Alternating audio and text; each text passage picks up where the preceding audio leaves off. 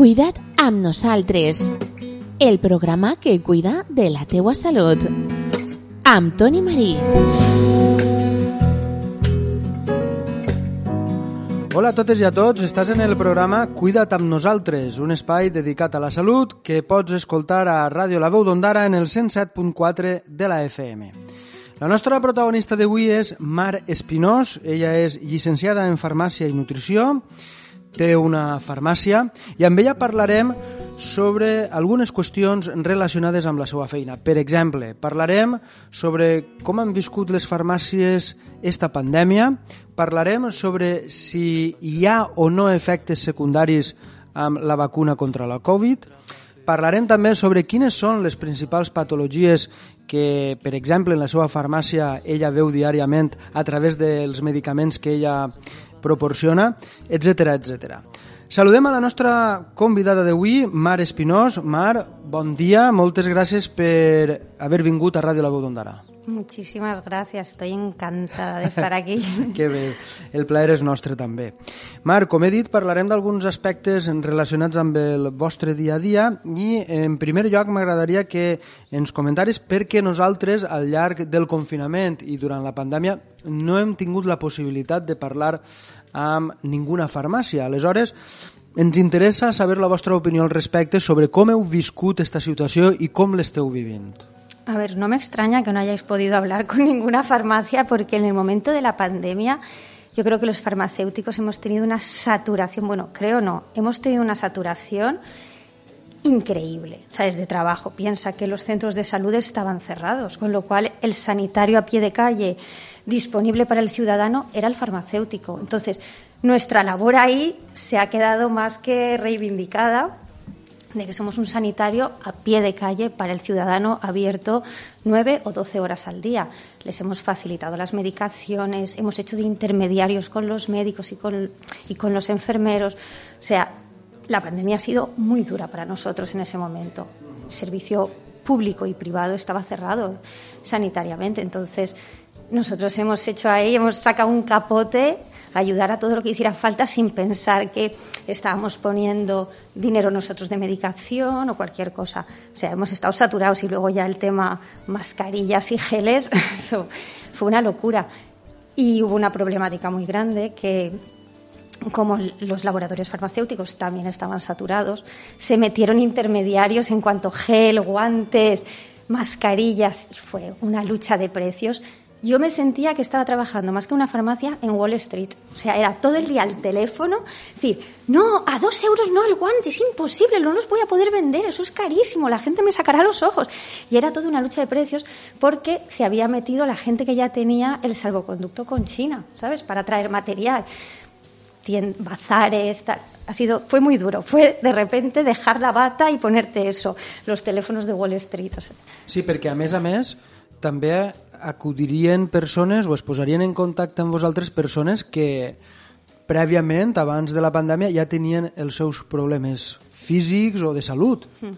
Aleshores, eh, s'havia d'afegir el que estava ocorrent en aquest moment amb tot el que hi havia abans i el que hi ha hagut durant i després, perquè hi ha persones que tenen patologies que no tenen res a veure amb la Covid, però també s'han de medicar. Sí, eso, eso, fue muy, eso fue muy difícil, porque claro, las medicaciones, la gente necesitaba su medicación. Entonces, lo que te he dicho, lo que os he dicho antes, nos poníamos en la piel de esa persona y le facilitábamos la medicación sí o sí, ya fuera eh, porque no le salía en su tratamiento, ya fuera porque no podía salir de casa y no tenía familiares que pudieran que pudieran acercársela. Entonces, pues, pues fue. Pues ¿Anàveu vosaltres a, al domicili? Sí, a través de la Cruz Roja o a través del ayuntamiento se crearon pues unas actividades para poder llevarles la medicación. Y ya llevamos la medicación a gente que estaba también con COVID y no podían salir. Entonces ya le dejabas la medicación fuera y ellos podían acceder. Pero sí, había mucha llamada de teléfono, de, de ayuda, también gente que necesitaba hablar, también llamamos a la gente mayor porque estaban muy solos, a ver que, si estaban tomándose la medicación, si necesitaban algo se hizo mucha ayuda desde las farmacias, social. Sí, mucha, sí. mucha, mucha. I se vos ha reconegut esa feina o no? No. no, pero ahí está la disputa de siempre, ¿sabes? De, eh, servicio privado, gestión eh, no, no, es, es difícil, es difícil que se nos reconozca. Nosotros reivindicamos nuestro puesto como sanitarios a pie de calle, pero el ciudadano sí, el ciudadano sí que lo ha reconocido, David, pero yo creo que el ciudadano siempre está agradecido ante nosotros porque acude a la farmacia antes que a cualquier otro sitio. A nivell institucional és una altra cosa. Claro, sí. Mar, ara un tema d'actualitat és si efectivament o no la vacuna contra la Covid està produint efectes secundaris en certes persones. Vosaltres heu tingut casos de persones que han anat a la vostra farmàcia perquè s'han queixat sobre un determinat dolor en alguna part del cos i creuen o li han dit que és degut a la vacuna? Sí, a la vacuna hay dolores articulares, lo más normal, dolores de cabeza, cansancio, pero en general, aunque se, haya gente que sí que le está perdurando un poco, en general sí que hay mucha gente que le está remitiendo, pero es que la vacuna es como cualquier otro medicamento. O sea, es que yo veo tan diariamente gente que le ponen un tratamiento nuevo para el colesterol o para el azúcar y dice, es que este medicamento no me sienta bien, es que me da mareos, es que me da... Porque, porque todo medicamento tiene sus efectos secundarios. Lo que pasa es que la vacuna, como ha sido, como es masivamente, ahí se crea pues eso, una comidilla de todo el mundo, los efectos secundarios cuando se están tomando un montón de medicaciones todo el mundo. Y no quiero hacerlo parejo porque ya se ha hecho en, en, muchos medios y tal, pero a, la gente, a las mujeres que, nos to que se toman la, píldora anticonceptiva, es que tiene infinidad de efectos secundarios más y nadie lo pone en tela de juicio y la vacuna, pues tiene, como todo, claro, claro que tiene efectos secundarios, pero la mayoría lo que hemos visto desde la farmacia, supongo que en, hospitales puede que haya otros efectos que se hayan notificado nosotros, es dolores articulares, cansancio, lo, lo que más cansancio y, dolor de cabeza. Perfecte. Estem entrevistant a Mar Espinós, ella és farmacèutica, estem parlant de moment sobre la pandèmia, que està d'actualitat malauradament. Mar, quines són les patologies més freqüents que vosaltres vos trobeu a una farmàcia? Vull dir, quin és el medicament o els medicaments que més recepteu i quins són els principals problemes que té la gent? La gente lo que más, más problemática tienen y más medicación toman para ello es problemas de colesterol, problemas de tensión, problemas de azúcar. Eso es la que ves constantemente, porque al final es una medicación que se toma todos los meses y tienen que venir todos los meses a por su medicación. Nosotros hacemos mucho hincapié justo también al ver que estas son las medicaciones en hacer campañas de prevención cardiovascular.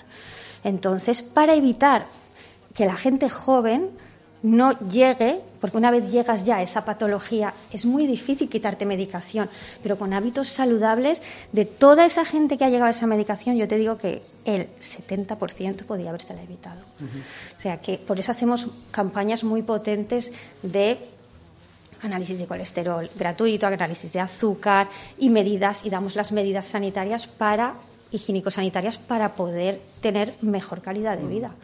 Eh, des del teu punt de vista, com podem dur una vida saludable i evitar, per exemple, tindre colesterol, tindre la tensió alta, tindre sucre... Primero, hacerse una analítica, porque no sabemos, lo, la gente joven no sabe qué valores de colesterol tiene.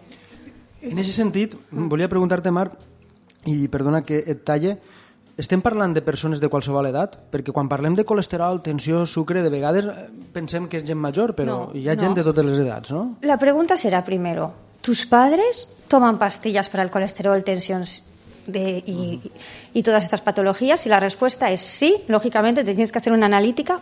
En una edad, pues a los 30 y pocos ya podrías hacerte una analítica para saber si tú también vas a tener esa predisposición y anualmente ir viéndolo, porque es que cuando hay una predisposición genética, que a veces la hay, ya no es el estilo de vida, empiezan muy pronto, ¿sabes?, a, a despuntarse estos, estas patologías.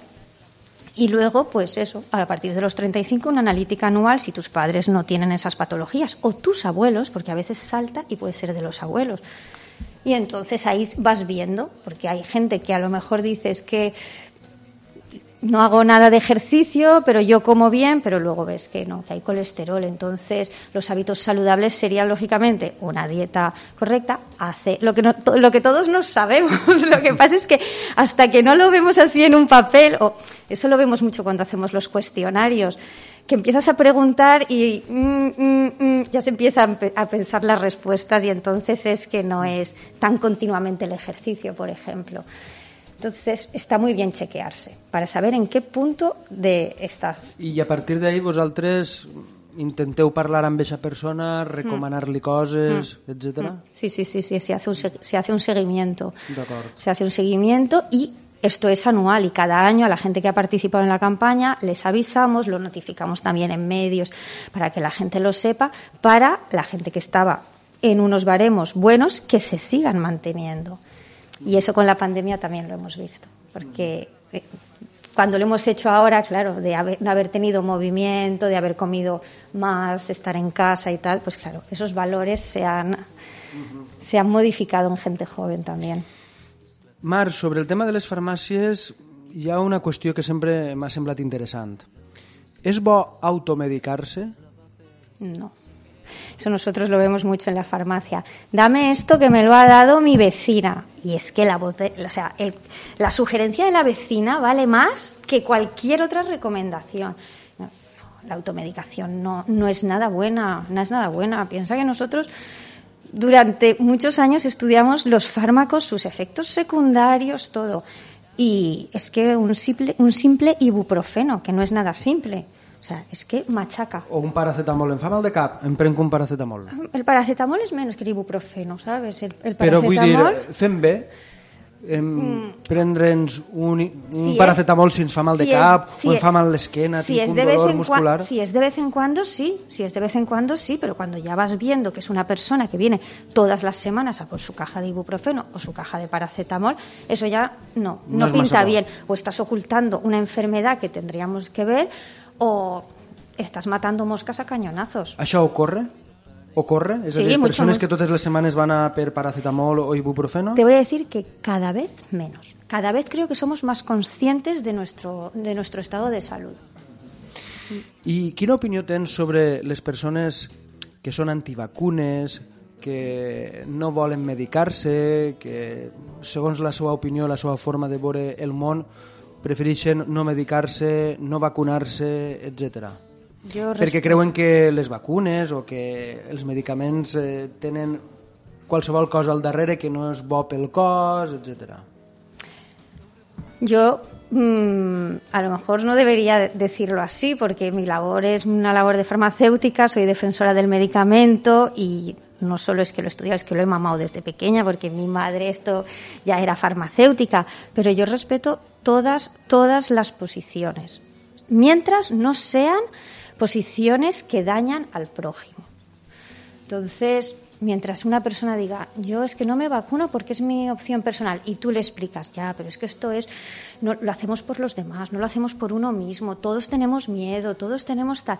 Y esa persona también lo entiende, pero desde una posición pacífica, mm, es su punto de vista, yo, mira, es que respeto, es que no no, no voy a poner que mi punto de vista, que la vacuna, que todo el mundo nos tenemos que vacunar, porque si no, es que, que cada uno haga lo que quiera. Aunque está claro que no nos vacunamos por uno mismo, nos vacunamos por por un conjunto, por mucha gente que no se puede vacunar, que está pasando enfermedades muy, muy graves y que su sistema inmunológico no puede aguantar una vacuna y que si cogieran el COVID esas personas, pues seguramente tendrían muchas papeletas para fallecer, con lo cual lo hacemos también por esas personas. Entonces es un acto de generosidad también vacunarse pero es que hay gente de todo. Es que no, yo no puedo ir con el hacha. Yo hace muchos años que enterré el hacha y que dije, yo ya no voy con el hacha poniendo a cada persona mi punto de vista. Entonces, que cada uno haga lo que quiera.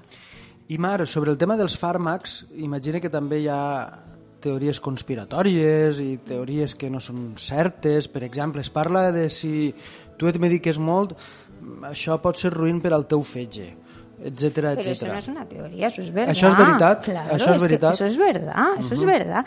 Yo por eso eh, en la farmacia apuesto mucho por una medicación en no alternativa, pero sí natural en muchos casos, para evitar patologías que ya luego necesitan una medicación tradicional.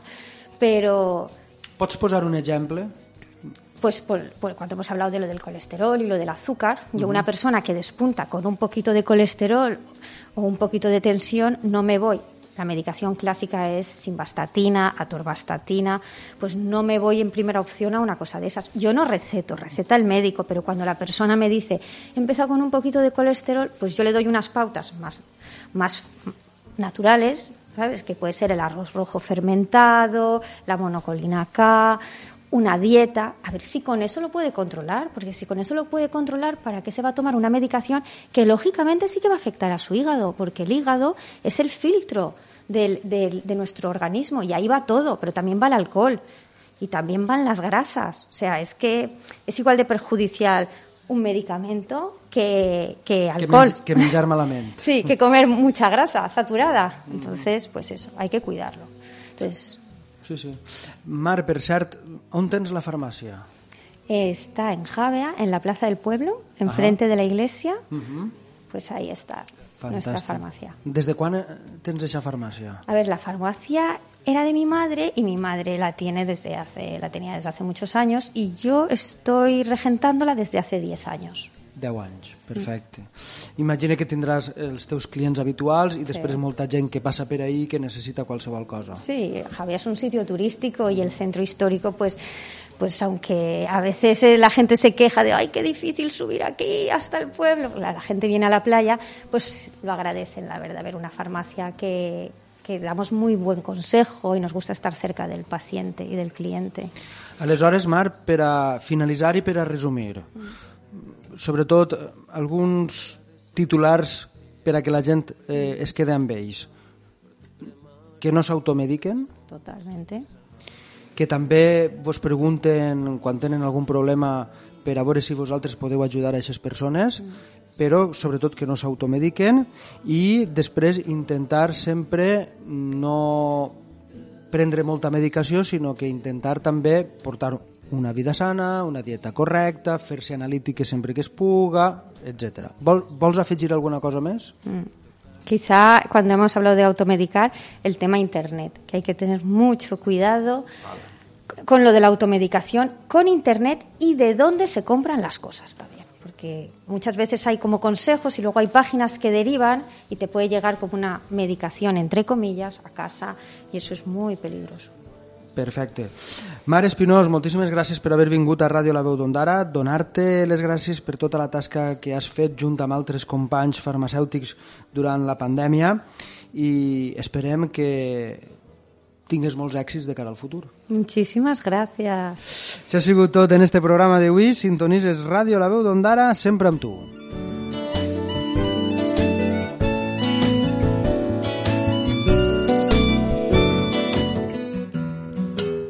Cuida't el programa que cuida de la teua salut. Amb Toni Marí.